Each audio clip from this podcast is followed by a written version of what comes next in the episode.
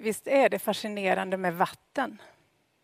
Och vare sig det är en sjö som ligger spegelblank, eller ett stormande hav, eller ett porlande regn, så är vatten någonting som vi alla behöver. Och nu sitter jag här i kyrkan där vi vanligtvis brukar ha dop, vid det här vattnet. Och vi vet ju att vatten är ett av de tre grundläggande beståndsdelarna för allt liv. Allt som lever behöver luft och det behöver ljus och vatten. Idag behöver jag vatten. Och hemma hos oss så kan man tydligt se om våra blommor har fått för lite vatten. Ja, de ser inte glada ut. Det är viktigt med vatten.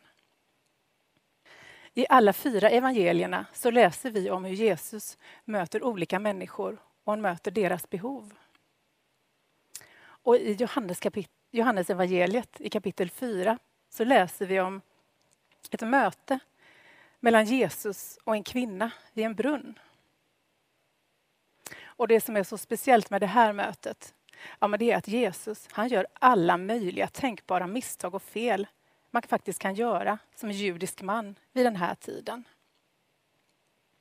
En judisk man skulle aldrig tala offentligt med en kvinna som han inte kände eller som han inte var släkt med. Och judar och samarier de kom inte alls överens. De ville inte ha med varandra att göra. Judarna ansåg att samarierna var orena. Och samarierna de trodde bara på de fem första böckerna i Bibeln, Moseböckerna. Och sen trodde de att judarna själva hade hittat på resten av Gamla testamentet. Och både judar och samarier ansåg sig vara Guds utvalda folk. Ja, ni kan ju förstå vilken konflikt som rådde mellan de här folken.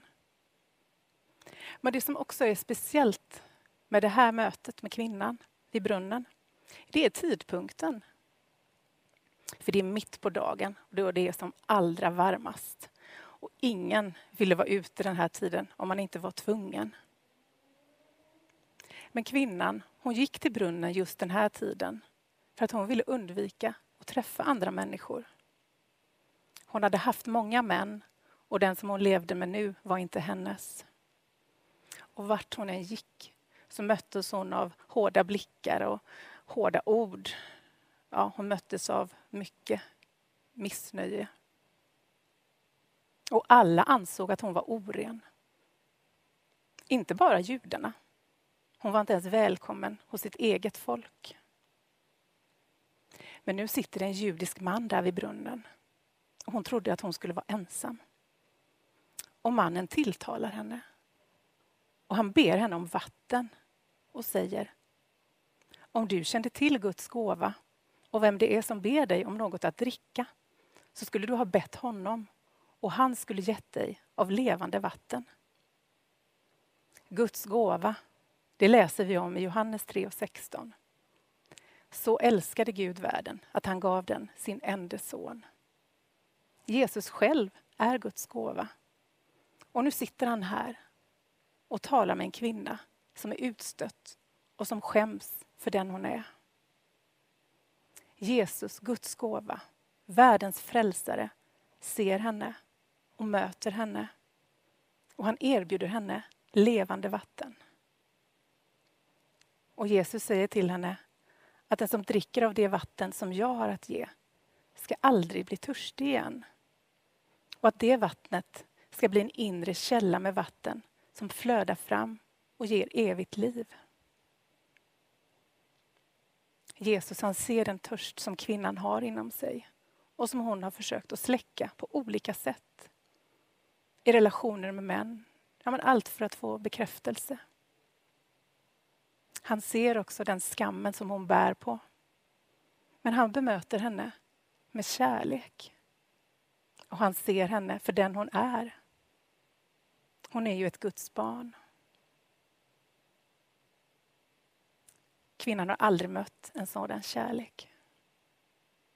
Hon tror på Jesus.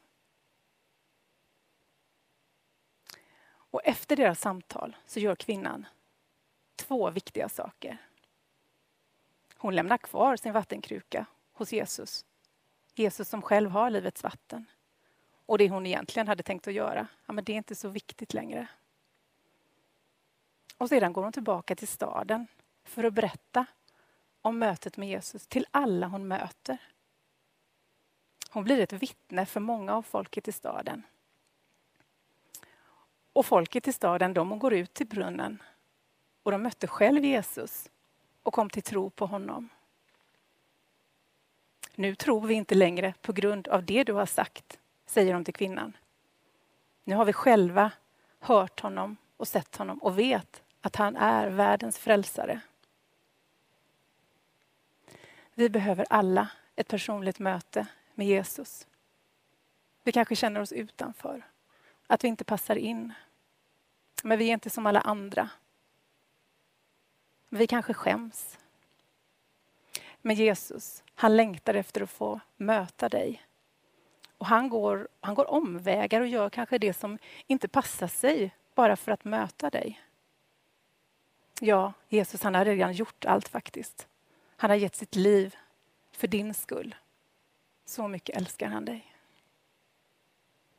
Lite längre fram i Johannes evangeliet i kapitel 7 så läser vi om hur Jesus ropar till människorna ifrån vers 37. Och han säger, om någon törstar, kom till mig och drick. Den som tror på mig, ur hans innersta ska dröm, strömmar av levande vatten flyta fram, som skriften säger. Och detta sa han om anden som de, skulle, de som trodde på honom skulle få.